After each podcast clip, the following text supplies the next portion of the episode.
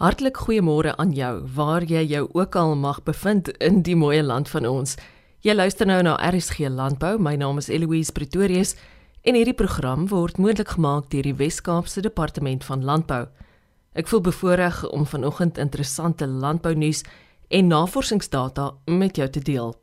Karen Shippy is hoofdirekteur omgewingsvolhoubaarheid by die Wes-Kaapse Departement Omgewingsake. Sy sluit eers by ons aan vandag. Sy is onlangs met 'n provinsiale toekenning vereer vir haar leierskapsrol in die sektor. Haar navorsing sluit onder andere in die verband tussen geslagsgelykheid en klimaatsverandering. Die stand van sake rondom veiligheid in landelike gebiede is veral ook 'n fokuspunt by haar. Oor maatskappye met vroue op uitvoerende rade wêreldwyd deel sy 'n interessante feit. Sy lig ook haar navorsingsopinie oor waarom daar heel party minder vroue boere in Suid-Afrika is. We still have very few and it's not because they don't have the same passion that our men do. It's often because of the history that we're trying to deal with. It's about the role that that women often take as the carer they take as the child care. They also have to carry babies physically in the womb. So, literally, what that does to your body, what it does to your health, is something that in the past we've often only worried about maternal health, as in, can this person give birth to a healthy baby? And can we keep that baby alive? But in order to give birth to a healthy baby, you actually need good nutrition, you need clean water, and hopefully a little less stress than most women are, are under but especially poor women. If you're still having to lug water and fire, uh, wood for fire, and you're heavily pregnant, all of that adds a burden. Um, so, everything from the direct health impacts of women uh, stooped over fires, cooking fires, you know, what somebody cooks on uh, even has an impact on their health. So, whether it's breathing in fumes from paraffin oil or uh, because they're cooking over wood, there's often, um, and I've actually read recently a World Health Organization document called A Burning Opportunity that talks specifically about what we cook on and the fact that 60% of women's premature death is actually related to poor air quality in the house. And the fact that they are the ones who are doing most of the cooking. So, just being exposed to that kind of fume for an extended period uh, is actually something that can have a very direct health impact and not just lung ailments, but things like heart attacks and strokes as well. They're starting to now link to poor air quality. So, just being a woman uh, is hard, but a lot of these very physical elements of access to resources, being able to plan and provide for your family in very specific ways, is something that's also cultural uh, within our country. So there are a lot of a lot of those kinds of impacts. And then unfortunately in our country, we have one of the highest rates of intimate partner uh, incidents of violence. So this is where it's somebody in your household or it is somebody that you're involved with in a relationship uh, who actually lashes out at you physically. And more women die in this way than almost any other form of murder is actually being murdered by somebody that you love and someone that you've welcomed into your home and you probably feed and look after them and, and nurse them when they were sick. Uh, and that's what we're seeing a lot in South Africa. But even when you leave the home, whether you're collecting wood or collecting water or trying to see to your, your cattle or the plants that you've just planted outside, all of those things, you may be outside of the house and away from where there might be other people. You're then exposed to gender based violence more generally.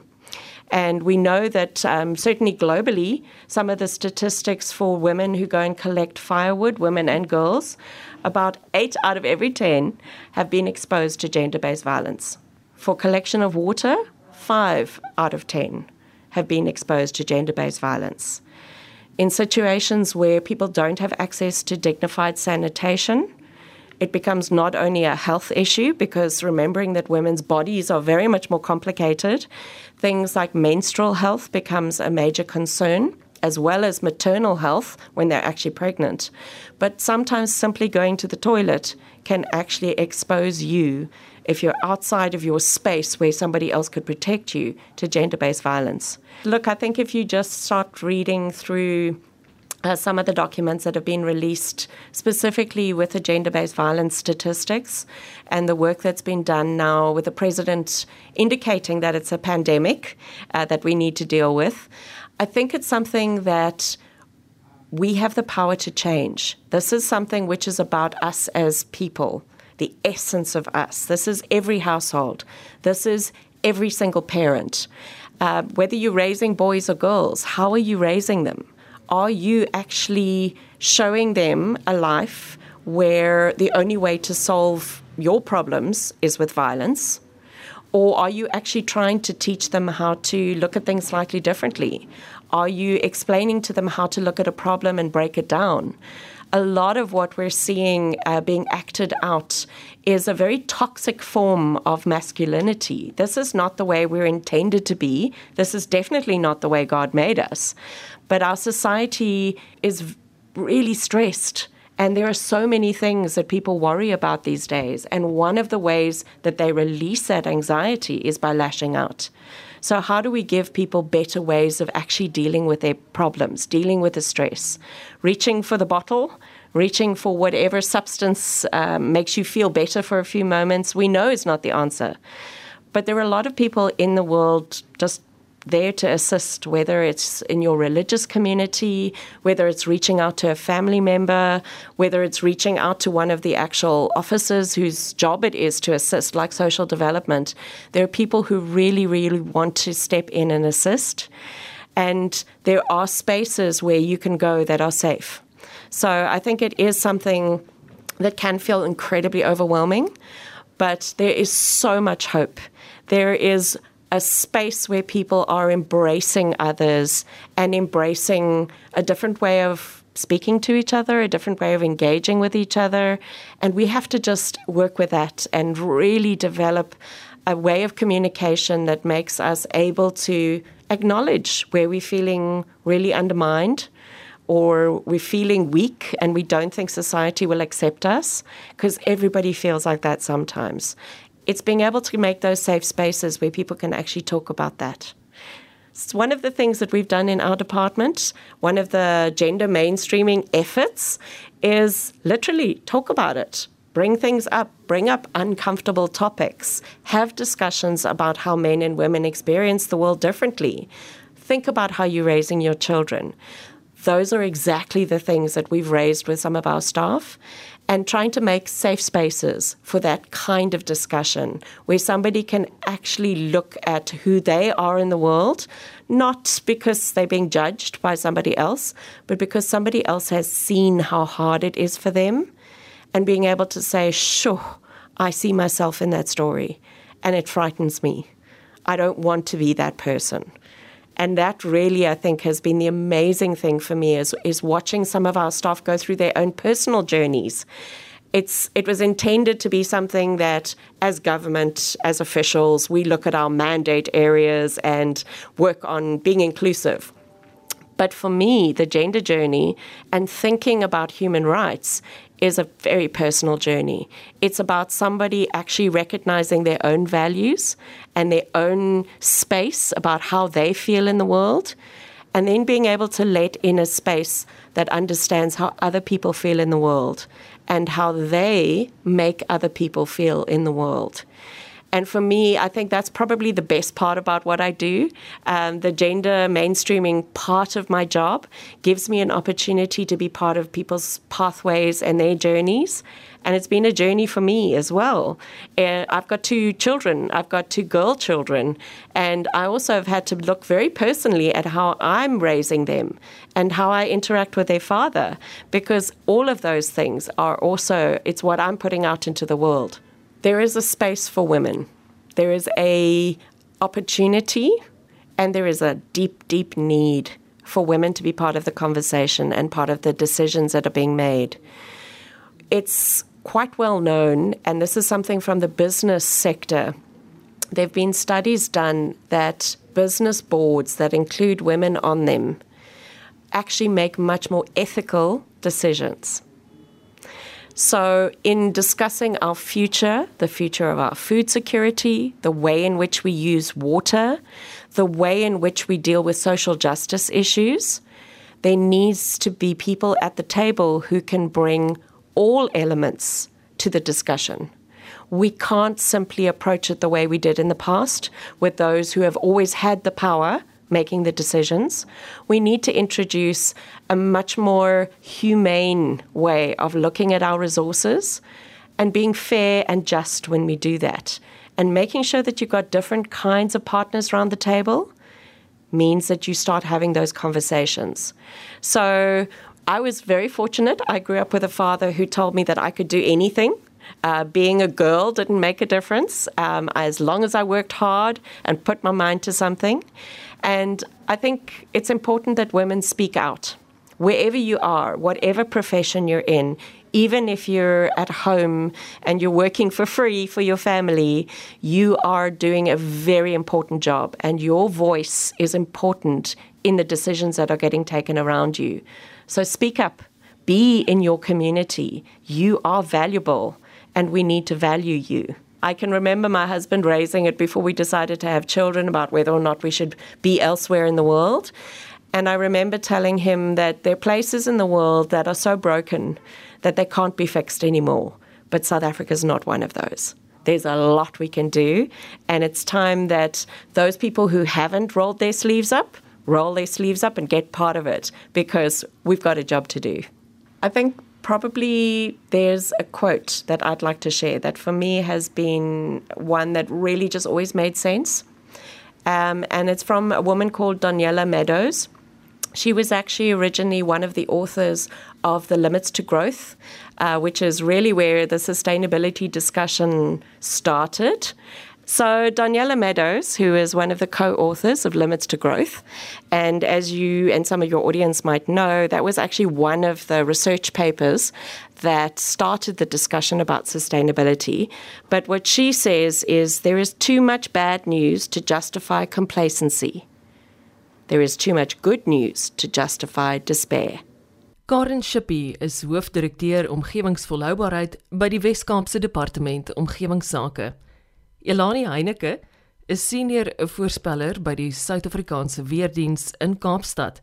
Sy is lief vir die boere van ons land en haar dagtake sluit onder andere in om mense in die sektor met inligting toe te rus. Elani was ook onlangs 'n spreker by 'n klimaatsveranderingsberaad.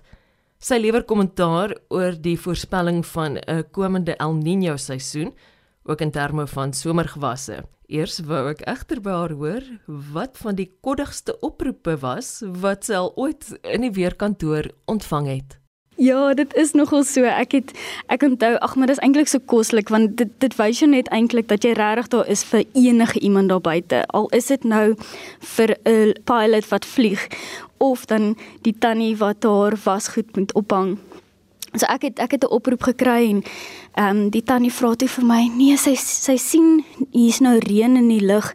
Sy wil nou net weet wanneer gaan hierdie nou opklaar want sy moet nou haar wasgoed ophang en sy wil nou net weet kan sy vanmiddag dit ophang en ek moes nou ongelukkig die slegte nuus vir haar deel dat ongelukkig gaan hierdie reën nou nie opklaar nie. So dit dit, dit jy kan amper voel die teleurstelling in die tannie se stem. En ehm um, maar ja, mens besef eintlik jy jy's daar vir vir self die die kleinste goeders in die lewe. Ek dink hierdie is belangrik, jou werk wat jy nou doen. En die feit dat ons weet RSG het so groot rykwyte vir Suid-Afrika en die feit dat jy van jou Namakwa distrik in die in die westelike deel van Suid-Afrika kry tot Limpopo en dit is dan 'n platform wat ons kan gebruik om hierdie voorspellings en waarskuwings dan ook dan vinniger uit te kan kry. Want ons weet die boere daar in die omgewing in die gemeenskappe, dis wat jy baie keer na luister. Jy's dalk nou jy's op pad van een plaas na 'n ander plaas toe en dis juist hoekom ons hierdie platform wil gebruik om die kleiner gemeenskappe dan te kan bereik. Ag ek wil net sê dat hierdie geleentheid om by so 'n uh, summit is te te wees is eintlik regtig goud werd. En die feit dat ons met boere kan praat en regtig 'n verskil kan maak in hoe hulle dalk voorberei vir weeromstandighede en waarskuwings is is vir my eintlik die belangrikste want ek wil seker maak dat elke boer daar buite elke moontlike geleentheid het om te kan voorberei vir veranderings nou maar ook in die toekoms.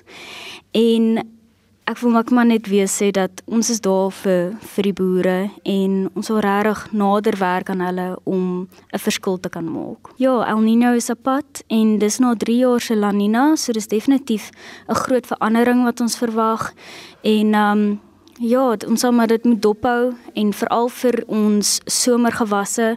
Ek dink is dit nou dis soos ek sê 'n groot verandering van 3 jaar van La Nina nou na El Nino wat warmer en gewoonlik droër toestande beteken. So die boere, maar ek, ek weet hulle is wel bewus van die verandering wat op pad is, maar net om weer dit dan emphasize dat as jy kan probeer soveel as moontlik inligting kry, bel die weerdiens, kry die inligting want ons is daar vir julle. En ehm um, Ja, dit dit gaan 'n interessante seisoen wees wat voorlê veral omdat dit nou bietjie anderser gaan wees as die afgelope 3 jaar. En 'n uh, mens sê nie noodwendig dat dit weer 3 jaar van El Niño gaan wees nie. So dit is nou die eerste keer weer wat ons El Niño gaan hê. Ons gaan nou moet sien wat lê dan voor vir die volgende somerseisoen en selfs die ene daarna. En dit gaan dan bepaal eintlik wat ons nou weer kan verwag. Maar ek ek stem saam met jou. Ek dink ek's positief vir hierdie ene die velde is is baie mooi groen veral hierson in ons Weskaap area die Namakwa blommetjies kom nou al uit. So nee, dit ek dink is 'n goeie tyd wat ons nou inbeweeg lente en ek hoop die die wintergewasse boere gaan 'n goeie oes hê en ek hoop ook dat die somergewasse boere ten minste dan vroegtydig kan plant dat hulle ook Kersfees kan hê. Elani Heineke is senior voorspeller by die Suid-Afrikaanse Weerdiens in Kaapstad. Dr. Rhoda Malgas is 'n dosent in bewaringsekologie aan die Universiteit Stellenbosch se fakulteit Landbouwetenskappe. Die onderwerp van haar doktorale tesis het nouliks verband gehou met haar persoonlike oortuiging dat die soeke na volhoubaarheid eintlik die soeke na gemeenskappe is. Die studie in bewaringsekologie het gefokus op landelike gemeenskappe wat 'n bestaan maak daaruit om inheemse rooibos en heuningbostee vanuit fynbosvelde te oes. Die idee agter die studie is gebore uit haar vroeëre ervarings by 'n teekoöperasie in Nieuwoudtville in die Noord-Kaap en haar oortuiging dat generasionele oordrag van kennis in landbou altyd van belang sal wees. Uh, my gedagtes gaan nou terug na die Suidbokkeveld toe waar ek my eerste 5 jaar um, van my loopbaan begin het of liewer die volgende 5 ek het eers in Klein Willem begin. Maar ek dink as 'n mens praat van volhoubaarheid, hoe hoe dit kan lyk is as jy begin met 'n groepie groot mense wie 'n vraag vra van my as wetenskaplike en ek kan saam met hulle werk om hulle eie kennis te verbreek saam met my eie met my eie boek, boeke kennis maar ook met hulle eie kennis plaaslike kennis oor die natuur. En dan wanneer jy oor 20 jaar byvoorbeeld teruggaan en hulle kinders is nou die bestuurder van die plaas wat hulle behoue gebly laat behoue bly in die familie. Dit is hoe volhoubaarheid lyk van geslag tot geslag. En ek dink daar's baie dinge wat trek aan 'n mens in jou lewe, die lewenstoestand in Suid-Afrika soms die die wik en weeg van hoe dinge gaan wat kan ruk en pluk aan van geslag tot geslag. Maar tog is daar voorbeelde van mense in hierdie buiteplekke waar geslag tot geslag hulle hulle menswaardigheid en hulle en hoe hulle lewe in stand hou. Was dit nie vir geslag en tot geslag nie, dan was die plaas miskien nou al lankal weg gewees of of verkoop gewees of wat ook al, maar hy uithou vermoë en dan die oordrag van van hierdie goed van geslag tot geslag is hoe ek dink volhoubaarheid eintlik um, handhaaf word. Uh so ja, ek, ek skep baie moed by kleinboere veral. Dr. Oude Malgas is 'n dosent in bewaringsekologie aan die Universiteit Stellenbosch se fakulteit Landbouwetenskappe. Denise Stubbs is die bestuurshoof van die bemagtigingsonderneming Tokozani en direkteur by Diemersfontein Wyne in Wellington in die Wes-Kaap. Sy is in Augustus vanjaar gedurende Vroue Maand vereer met 'n nasionale toekenning spesifiek vir vroue in landbou. Hier tydens eksamentyd vir heel party jong Suid-Afrikaners deel sy 'n boodskap van bemoediging aan voornemende landbouers. Ons praat van die jeug. As ek dink hoe ek groot geword het en baie anders groot geword het wat nou in landbou groot geword het, nê. Beide my ouers was um, landbouwerkers. Nou as jy daai storie vat en ek kyk waar ek myself bevind vandag, nê, het moes ek iets reg gedoen het. As jy kyk na vandag se jong mense, nê, en ek is 'n ma van 3 kinders. Ek besef dit elke dag. Hierdie kinders het nie 'n benul van wat ons deurgemaak het nie en wat daar vir jou wag nie. Die jong mense moet luister en hulle moet seker maak dat hulle verstaan van niks kom maklik nie. Hulle moet al hoe meer vir hulle vereenselwig met die ekonomie wat aangaan in die wêreld en wat tog haalbaar is. Nou wat my excited maak oor die industrie landbou. Landbou, landbou kan ons nie sonder nie. En hulle moet al hoe meer dit verstaan. Jy kan nie sonder landbou nie. Nou hulle sê altyd my kan sonder wyn. Nee, as landbou swaar gaan dan moet jy by wyn drink. En dis vir my altyd 'n good selling point. En die kinders van vandag nie, as ek kyk nou by by Elsenburg en ek kyk die colleges en alles. Ons moet ons kinders motiveer om in dit te gaan want daar's livestock, daar's die vingerde, daar's die tafeldrywe, daar's die die sitrus, dis alles. Dis so groot en ons het dit nodig om te leef. So daar sal altyd vir jou werk wees en kom ons ons maak nie fout nie. Dis duur om wyn te boer, ons weet. Maar jy moet kundig raak en jy moet slim raak. En ek gaan weer sê, surround you with the people that knows en weet hoe om die kostes te sny en om te werk. Ons moet net positief bly oor ons land hoor. Dis belangrik. Ek weet dis nie altyd maklik nie. Ons weet wat voor lê, maar ons moet stuur die bietjie wat ons het in 'n positiewe rigting in en dit sukses maak. Ek dink altyd mens moet by jouself begin, jy weet. Die regering van jou van jou eie orde begin by jouself. Ja, ja. Denise Stubbs is die bestuurshoof van die bemagtigingsonderneming Tokozani en direkteur by Diemersfontein Wyne. Baie dankie dat jy saamgekuier het vanoggend. RSG Landbou is 'n program wat altyd beskikbaar sal wees as digitale aandenking op www.elsenburg.com. Ek is Eloise Pretorius en ek sien baie daarna uit om môre om kwart voor 12 weer by jou aan te sluit met nog stories van inspirasie, plan maak en hoop te danke aan die mense in ons sektor. Intussen wens ek jou alle sukses vir hierdie Vrydag wat voorlê in die geselskap van RSG. Totsiens.